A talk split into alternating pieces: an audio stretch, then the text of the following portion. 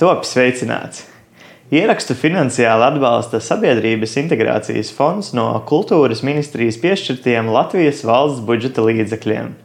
Bet mans vārds ir eh, Roberts Tomme, un šis ir biedrības ar pasaules pieredzi Latvijā podkāsts, kur intīmā gaisotnē iepazīstamies ar tiem, kas dzīvojuši ārzemēs un tagad ir atgriezušies Latvijā. Šodien piedalīties savā pieredzē esmu uzaicinājis Kristapu Efeju. Viņš ir dzimis un uzaugusi Rīgā, bet 19 gadu vecumā Kristaps metās piedzīvojumos uz ārzemēm. Pēc vairāk nekā desmit gadu prombūtnes viņš ir atgriezies un turpina strādāt attālināti ārzemju uzņēmumā Moet Hennessy. Kristap, kā tu šodien jūties? Ļoti labi. Ļoti labi. Prieks būs padalīties savu pieredzi. Tā kā jā.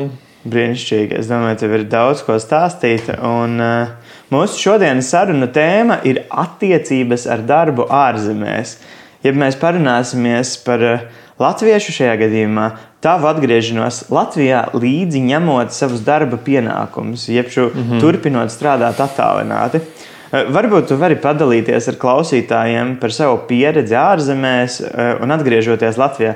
Kāds īsti ir Kristapa efekts stāsts? Jā. Tad uh, mēģināšu tā kā īsumā, jo desmit gadi, protams, ir, ir pailgs laiks. Nu, jā, man uh, bija 19 gadi, es tieši biju pabeidzis vidusskolu, un tas, kas man toreiz interesēja, sports, jebkādā veidā, es tur biju futbola tiesnesis, rakstīju tur uh, arī rakstus internetā, sporta un tā tālāk. Tā kā man vajadzēja kaut ko noteikti par to lauciņu darīt. Un uh, bez Latvijas Sporta pedagoģiskās akadēmijas uh, Latvijā es um, nu, īsti neatradu to, kas man labi patiktu. Kas bija tāds vairāk sporta menedžmenta puses kaut kas. Un tad tur bija pāris varianti. Es izšķīros par, par Dāniju Un, jā, tad uh, tur, tur principā aizvērtēja pieci no maniem desmit gadiem. Būšu, biju studentu kārtā tur. Un, jā, tas bija milzīgs atspēriens visam, kas sekoja tālāk manās gaitās. Viņi man iedeva arī tādu, kā saka, ideoloģisku pamatu un bija ļoti kā veselīgi pabūt valstī, ja, kur uh, 20. gadsimta laikā bija visas iespējas attīstīties, un, un tur bija. Tur es smēlos tās idejas un nedaudz tādu citu dzīves skatījumu uz, uz to, ka, nu, kā lietas var būt sakārtotas. Ja? Tur sākot, nezinu, kad tur ir pilnīgi amatieru līmenī kaut kāda sporta kluba, pašvaldību finansējums, tur ir uh, vis kaut kādi sociālie pabalsti. Tas, tas cilvēkam dod iespēju, man liekas, tas valstī kā, kā tādai. Uh, vienībai tā ir viena no galvenajām funkcijām nodrošināt cilvēkiem iespēju. Un, ko viņi ar to izdara, tas ir cits stāsts, bet galvenais, lai, lai ir šī iespēja. Kā, un tad tie bija pirmie jā, pieci gadi. Es, es pabeidzu gan sporta menedžmentu, gan um, ekonomiku un biznesa administrāciju, tad divu bakalauru attiecīgi. Un tad uh, nākamie pieci gadi bija darba gaitās, uh, bija Ungārijā, Austrijā un uh, Lielbritānijā. Un, uh, un kas ir uh, tas, ko tu ar savu izglītību darīji, ko tu devies strādāt šajās pārējās valstīs? Tas bija ar sportu vairāk saistīts vai attiecīgi ar ekonomiku, biznesu? Jā, es mēģināju to sportu, tā kā uz tās sporta nocēlu turpināt. Bet ar laiku pamazām, nu, kā saka, tajos piecos gados es mēģināju vairākas lietas. Mēģināju prakses iet pa sporta lauciņu. Uh, Es mēģināju tur uh, startupos ar, ar jauniem uzņēmējiem kaut ko, un lēnām, lēnām laikam ejot, es sapratu, ka uh, ne mana stihija, bet lieta, ar ko man, man labi padodas, ir principā cipari. Yeah. Jā, un, un, un, un, un finanses, uh, grāmatvedību savā ziņā, un tad pamazām. Tāpēc es arī izvēlējos studēt ekonomiku un biznesa administrāciju, no kuras tālāk Man, man, man ir darbi tieši aizgāja vispirms par grāmatvedību, un vēlāk par finansēm. Un šobrīd vēl projām es strādāju finansēs. Jā. Okay, un, Un tad tu izdomāji, esi atgriezies atpakaļ Latvijā. Tad tu esi apceļojis vairākas Eiropas valstis, Dānija, Ungārija, Austrija, Lielbritānija. Bet tagad es atpakaļ Latvijā. Kas tev ir mm. atvedis atpakaļ uz šejienu? Kāpēc mm -hmm. atgriezies? Jā, nu, kā saka, tas nebija tāds lēmums, ko es ilgi kalu. Tas notika ļoti pēkšņi manā gadījumā. Uh, Jo, un savā ziņā arī tas nebija pārsteigums, jo tajos piecos gados pēc Dānijas, kā tu tās trīs valstis nosauc, trīs valstis piecos gados, tas nozīmē, ka tu pat neesi divus gadus vienā valstī.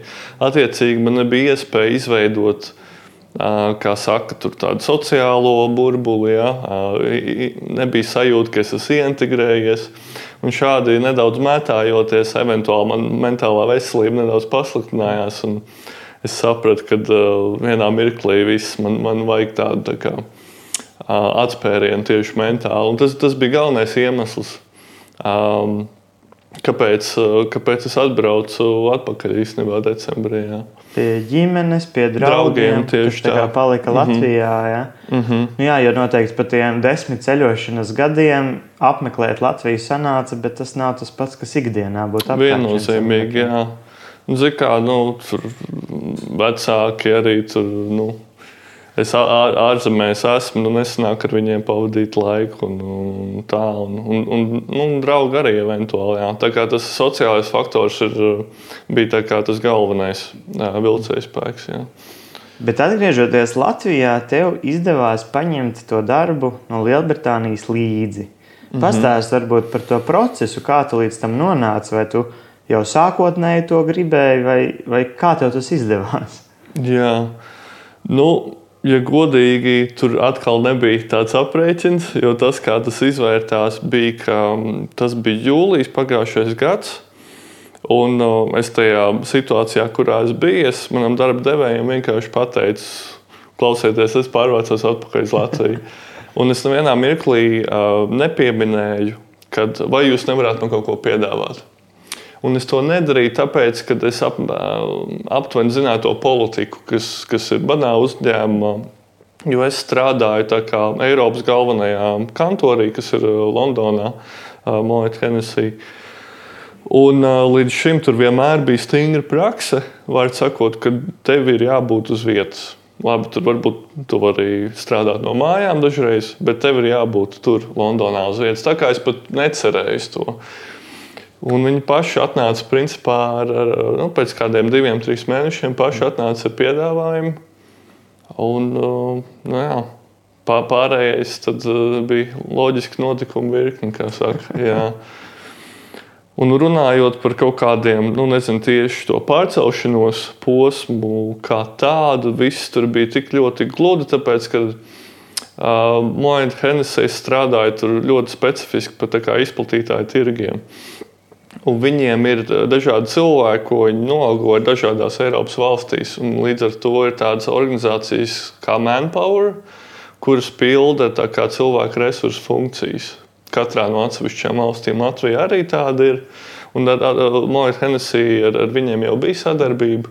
Līdz ar to uh, tur viss ļoti, ļoti gludi un ātri arī notikās. Līdz ar to nu, Es, eh, protams, eh, oficiāli maksāju nodokļus, viss pārējais. Mans oficiālais darba devējs Latvijā ir Manpower.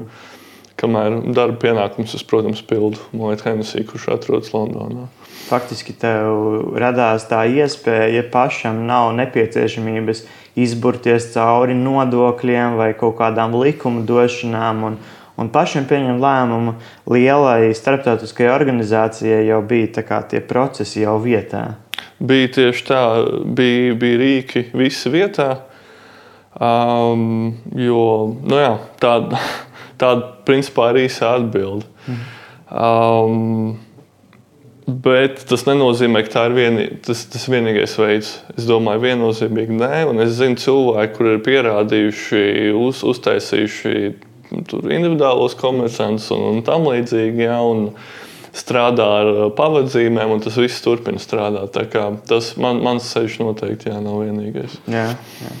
Bet uh, interesanti, vai ne? Tu nemaz negaidīji, ka tev atnāk šis piedāvājums. Tas bija tāds kā pārsteigums. Un, un tajā brīdī, kad piedāvāja, tu nu, faktiski ar prieku pieņēmi šo priekšlikumu. Es pareizi saprotu. Jā, nu, neko neslēpjot, protams, ka uh, atalgojums bija viena no, no lietām, kas, uz ko es tajā mirklī skatījos. Un, protams, pārvācoties no Londonas uz Latviju, tā tās dzīvošanas izmaksas atšķirības ir milzīgas. Un līdz ar to nu, es, biju, es aptuveni jau do, nu, sapratu, ka tur nu, nebūs nekas pārāk spīdošs. Un, Jo es jau savā galvā nu, vienkārši gribēju pauzīt, paņemt no, no darba jau uz kādu laiku, un tad atnāca viņa piedāvājums. Mans domas nedaudz mainījās, jā, varētu sakot. Um, jā, nu, tāds, tāds bija lēmums. Es, protams, tagad esmu ļoti, ļoti apmierināts, ka tā tas, tā tas viss ir izvērties. Bet nu, tur, Tur ir eh, gan, kā saka, apakšā savā ziņā gan smags darbs, mm. gan arī kāds veiksmes faktors. Jā, nu nevienmēr tu izvēlies savu priekšnieku, kurš ir labs un tā tālāk. Jā, tā kā tur dažreiz lietas vienkārši sastājās. Kā ir eh, nu, tieši runājot par tavu priekšnieku, tu pieminēji, kā ir pamainījušās vai ir mainījušās tavas attiecības ar, ar darba devēju, ar cilvēkiem, kas ir palikuši Londonā, kamēr tu esi pārvērties šeit uz Latviju? Manījusies, vai ir kaut kāda dinamika starp priekšnieku vai starp kolēģiem pamainījusies, vai viss tāpat kā bija līdz šim? Jā. Nu, es teiktu, tieši ar manu priekšnieku mēs tajā mirklī jau sastrādājāmies pusotru gadu. Un viņš man zināja vēl iepriekš, un kompānijā šobrīd ir piekto gadu. Līdz ar to man tur kaut kāds tāds kā uzticības kredīts ir, bija izveidojies tajā mirklī, kad es, kad es pārcēlos. Uh, Un attiecības, dēļ tās uzticības, nu, tās attiecības vispār nav izmainījušās. Mm. Ko, ko es varu pateikt? Um, nē, nu, protams, ka šādi un tad man ir komandējumi, un tas ļoti, ļoti palīdz atjaunot to, to arī cilvēcisko faktoru. Jo tikai tur zūmos, jāskatīties ekrānā, nu, tas nevienmēr tā kā ilgtermiņā strādā. Mm. Tāds lielākais izaicinājums šajā jautājumā man ir ar to saucamo padoto cilvēku, ja, kurš, kurš, kurš ir manā komandā. Un tā kā atbild man, tas ir nedaudz izaicinošāk. Tāpēc, ka tur tu, piemēram, neredzi.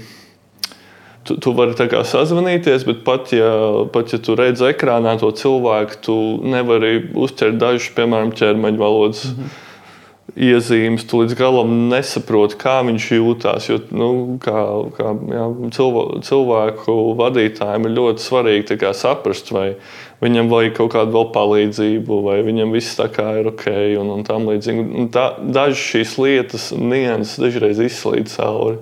Tas būtu tas izaicinājums. Tas ir interesanti. Tu esi faktiski abās pusēs šai situācijai, kur tu esi Latvijā un tev pārējie kolēģi ir Lielbritānijā. Jo vai tu domā, ka šie izaicinājumi, ar kuriem tu saskaries kā mm, vadītājs, vai saskarās arī tavs priekšnieks, ka neredz tavu ķermeņa valodu un tam līdzīgi? Mm -hmm. Nu, tur ir jā, cita dinamika, es teiktu, tāpēc, ka uh, es esmu plus-mínus autonoms savā pozīcijā. Es ar savu menedžeru runāju divreiz mēnesī tikai. Uh, kamēr es ar savu kolēģi padoto runāju katru dienu. Jā. Jā, nu, tur ir cita nedaudz tā dinamika, un viņš kompānijā šobrīd ir otro gadu. Un tur, nu, un līdz ar to tur ir tik daudz kas jauns, informācija jāiemācās, visas tās politiskās spēles un viss tas. Kā, tur jābūt man daudz vairāk tā kā, tā kā klāt. Jā. Mm -hmm. Pakāpjoties mazliet no tās tavas darba vidas, Tu arī minēji par mentālo veselību. Kā ir tagad tava dzīve mainījusies, kopš tu esi atgriezies Latvijā? Vai dzīves kvalitāte ir uzlabojusies? Kā, kā, mhm. kādas mm -hmm. ir tā tās izmaiņas tagad?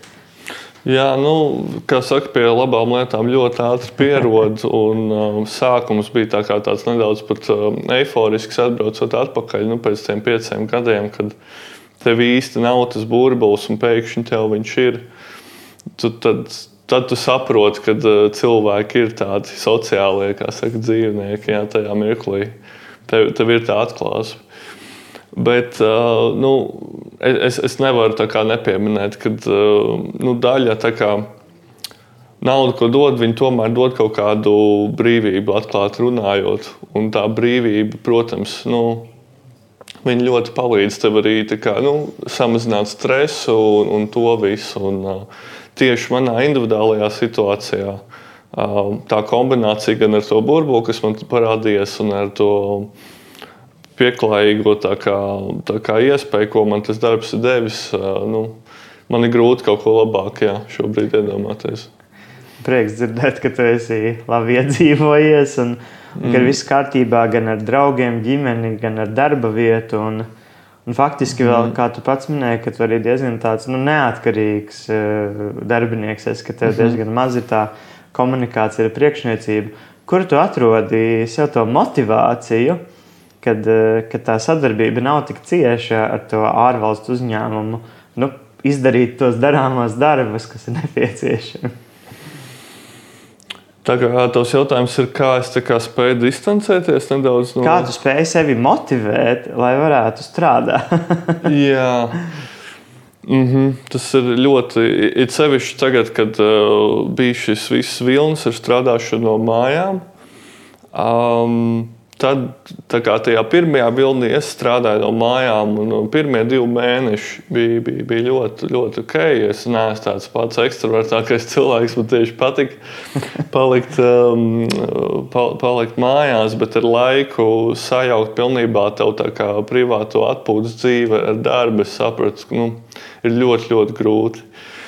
Un, um, tas, tas, ko es izšķīros darīt, nu, principā uzreiz, kā es atbraucu, meklēt iespējas strādāt ārpus manas atpūtas, man, man dzīvokļa vidas. Un tas kā, uzreiz tevi pilnīgi citā tā, tā kā, nu, mentālajā stāvoklī bezmazliet ieliek, ka tā man cilvēki apkārt strādā, tu uzreiz jūt, jūties tāds saka, pienākumiem un atbildības piepildīts. Un principā šī pienā, pienākuma atbildības sajūta arī man dzēna uz priekšu. Mm. Jā, tā, tā vide ir, ir, ir, ir ļoti svarīga. Un faktiski attālinātajā darbā vienmēr ir liela nozīme tam, ka tā tava privātā dzīve un tā privātā telpa ir nošķirta no tās darba mm -hmm. telpas. Un, Un tas neliek sajaukt kopā abas šīs puses. Viennozīmīgi, jā, simtprocentīgi. Uh, tu teici, ka tu principā vienkārši teici darba devējiem, es dodos uz Latviju. Kā būs, tā būs. Uh mhm. -huh. Tas arī viss. Kā domā, vai tā ir labākā, labākais veids, kā par to teikt priekšniekam, teiksim, citi cilvēki, kas mums šobrīd klausās ārzemēs un domā, Klaus arī gribētu, kā Kristaps, doties eh, uz Latviju, bet turpināt strādāt mm -hmm. esošajā darba mm -hmm. vietā. Kā tu domā, kas varētu būt tie veidi, kā par to pateikt priekšniecībai, darba devējiem? Jā. Nē, nu, protams, man, kā saka, varbūt klausītājiem ir cits mēģis. Man tajā mirklī mēģis bija vienkārši pārcelties uz Latviju, neatkarīgi no citiem apstākļiem. Bet runājot par vēlmi paturēt savu darbu ārzemēs un pārcelties uz Latviju, Um, tas droši vien ir saka, tāds psiholoģiski varbūt izaicinošs mirklis. Uh, vienmēr pastāv risks, ka priekšnieks varbūt pateiks nē, bet ir rīki, kas tev var palīdzēt samazināt šo risku līdz pašam minimumam. Un tas, kas man nāk uzreiz prātā, ir, ka uh, tas, uh, nu, ko Covid viena no retajām labajām blakus parādībām ir ir tā oficiālos, kad cilvēki ir varējuši sākt strādāt no mājām, mm. un viņi ir pierādījuši savam darba devējiem, ka tas strādā. Un tagad, kad uh, cilvēki ir atpakaļ uz oficiāliem, uh, ir, ir iespēja pierādīt, ka, hei, es strādāju no mājām, un īstenībā es esmu daudz produktīvāks un efektīvāks tur. Un es tā kā atnes daudz lielāku pievienoto vērtību uzņēmumam. Un tā, un, protams, ka tas ir jā, jāpārdod ļoti, ļoti labā un saprotamā veidā. Un tas, ko apvienojumā ar saka, tādu kopēju uzticības pilnveidošanu ar savu priekšnieku, ar vadību un tam līdzīgi. Man liekas, ja šīs divas lietas, to, to uzticību un, un to spēju pierādīt, ka es varu patstāvīgi visu izdarīt, man nav jābūt uz vietas. Es varbūt varu, jā, tur nezinu, kādas sešas reizes gadā atbraukt ciemos. Vai, vai, vai, nu, protams, tas viss, viss ir ļoti, ļoti stipri individuāli, katra situācija. Bet uh, viennozīmīgi tas, tas, tas ir izdarāms. Ir jābūt uh, pārliecinātam par sevi, ir uh, spēcīgi saka, argumenti, uh, argumentācija jāsniedz. Es domāju, uh, tad, tad nebūs šķēršļi. Mm -hmm. Super, paldies par ieteikumu. Vai tu domā, ka ir arī kaut kādas, nu, vai tu pieļāvi kļūdas savā šajā lēmumu pieņemšanas procesā, vai tu labāk būtu gribējis darīt tā, kā tu minēji, vai tomēr tu esi apmierināts ar to veidu? Tas rezultāts, protams, ir sasniegts, bet mm -hmm. vai tas bija tas veids, kā tu to gribēji?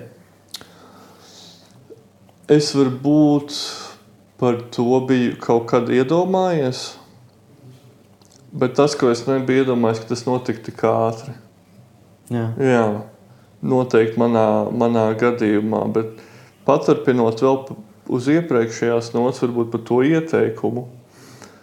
Es vēl varētu papildināt par to uzticības faktoru un par to arī, kā saka, kā kurā līmenī tu esi uzņēmumā ticis Mm -hmm. Man liekas, tas arī nu, eventuāli spēlē kaut kādu lomu. Jo, ja es esmu ļoti labi, kā, ļoti labi pildu savus uzdevumu pienākumus, bet es esmu praktikants savā otrajā gadā, yeah. pat ja es esmu ļoti, ļoti labs, viens no labākajiem, iespēja, ka šis manevrs izdotos, ir, protams, daudz zemāka nekā es jau esmu cilvēku vadītājs. Mm -hmm. Tā kā, nu, tad, kad es runāju par šo tēmu, nu, kopumā es teiktu, ka šis ir vismaz piecu, piecu gadu rezultāts. Tas noteikti nenotiek, uh, nu, nenotiek ātri. Protams, dažiem ātrāk, dažiem lēnāk, bet ir, ir nepieciešams uzbūvēt, kā saka, kaut kādu, kaut kādu statusu. Mm, tā kā reputācija. Rep, tieši tā, faktiski, reputācija. Faktiski kad tu pieņem šo lēmumu, tu to dari nevis tikai kā vienkārši darbinieks, bet tomēr arī cilvēks ar kaut kādām atbildībām, kad uzņēmums jau uz tevi paļaujas. Jā, tieši tā. Jā. Jā.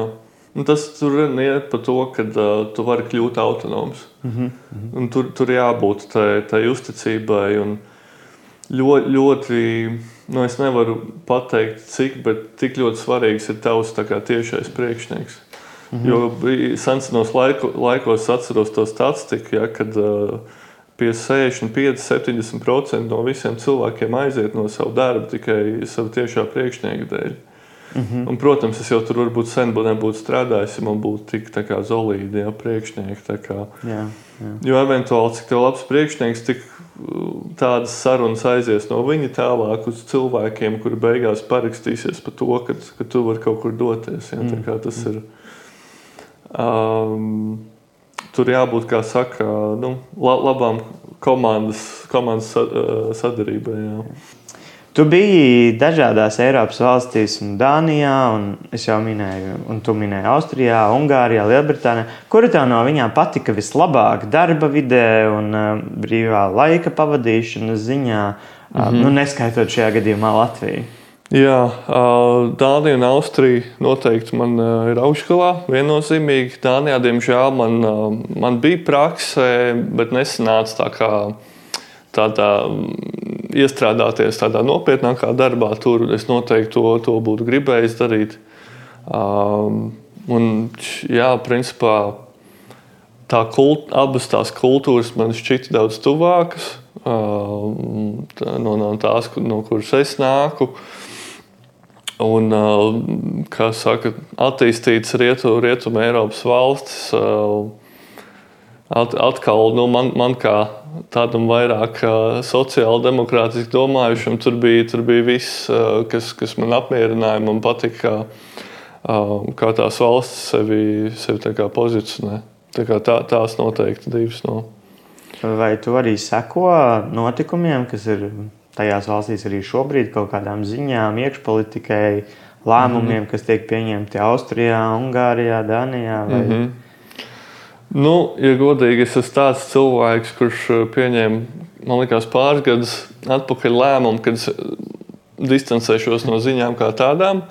Ieskaitot uh, vienalga, kur valsts, vai tā ir Latvija, vai ASV, vai, vai vienalga, kur valsts. Un, protams, ļoti priecīgs par šo lēmumu, jo, jo zi, ziņas pārsvarā ir negācijas, kurā, nu, kuras man dzīvē nav nepieciešamas. Un eventuāli runāju ar cilvēkiem apkārt, un tas, kas, kas jāuzzina, pārsvarā uzzina tāpat. Tās, jā. Taisnība, taisnība. Nu, tagad jūs atgriezīsieties atpakaļ Latvijā. Pēc desmit gadus esat ceļojis apkārt. Un, nu, tas jautājums nu, nevilšas rodas atkal atpakaļ. Vai tu nedomā kādreiz atkal doties dzīvot mm -hmm. ārzemēs? Jā. Un, un vai uz valstīm, kurās tu esi bijis, vai uz kādu jaunu vietu? Mm -hmm. Viennozīmīgi neizslēdzu tādu, tādu iespēju. Um, bet es parasti, mans dzīves skatījums ir ne vairāk kā vienu gadu uz priekšu. Mm -hmm. Ja ne pat pusgadu. Tā kā man nav nejausmas, kas notiks uh, nākamgad, kas, kas man dzīvē sagaida. Es vienīgi zinu, ka tajā mirklī, kad es pārcēlos uz Latviju, tas man bija nepieciešams. Um, bet noteikti jā, šādu iespēju neizslēdzu. Un par valstīm runājot, Nu, tā kā Dānija man, man, ir, man ir liela loma manā dzīvē, tur kāpēc nē, kādu, kādu dienu varētu atgriezties. Bet tā konkrēti man nav, nav tāds saraksts. Daudz kas atkarīgs jā, no iespējām. Mm -hmm. un, un tā, jā. Brīnišķīgi. Uh, Kristof, varbūt tu vēlēsies vēl kaut ko piebilst. Uh, Eh, pastāstīt par aktualitātēm savā dzīvē, pasveicināt draugus vai mammu pirms mēs beidzam sarunu. Nē, es, es varbūt nopaļoju teikt, ka um, svarīgākais. Nu, ja arī varbūt cilvēki, kuri, kuri vēl nav pārcēlušies uz ārzemēm, man liekas, svarīgākais ir tas un grūtākais ir pirmais solis. Ir tā pārcelšanās uz ārzemēm. Tā var šķist tā nu, visbailīgākā tajā mirklī. Uh, sveša kultūra, valoda un, un tam līdzīgi. Bet uh, man personīgi un tik daudziem cilvēkiem, kas man ir apkārt, uh, tas, tas ir viens no labākajiem lēmumiem, ko, ko tu vari izdarīt. Ir, ir, ir paskatīties un pieredzēt, kā, kā cilvēki dzīvo citur, kā, kā sabiedrība ir organizēta citur. Um, Un, protams, ka katram, katram ir savs ceļš ejams, jā, ko, ko es varu pateikt. Kad uh, vieno, viennozīmīgi tas, tas nav viegli. Dažiem ir paveicies varbūt ar turīgākiem vecākiem, dažiem ir trīs, uh, četri gadi uh, jāstrādā netik patīkami darbi ārzemēs. Bet, nu, kā saka, tas kat, katrai lietam un tā kā mazajai uzvarai dzīvē ir, um, ir darbs jāieliek apakšā. Nu, manā gadījumā tas ir sanācis tādā lielā, lielā intervālā, bet viennozīmīgi es esmu nu, apmierināts ar to. Tāpēc es iesaku cilvēkiem sākt to pirmo soli mācības ārzemēs, un, vai arī pirmais darbs ārzemēs, vienalga. Un, Jo, jo pat, pat ja tas ir viens vai divi gadi, tam nav jābūt 10, 20 gadiem. Pat viens vai divi gadi tev var pil, pilnībā mainīt skatījumu. Un patiešām tu vari kā, iegūt ļoti daudz kā cilvēks, kā personība. Jā, jā. Bet, Klau, tu tieši minēji to pārkāpšanu sev pāri, izkāpt no komforta zonas. Pirmo reizi to izdarīji no Latvijas pārceļoties uz Dāniju. Tad tu to vēlreiz izdarīji no Dānijas pārceļoties uz Ungāriju, tad vēlreiz pārceļoties uz Austriju un vēlreiz uz Angliju.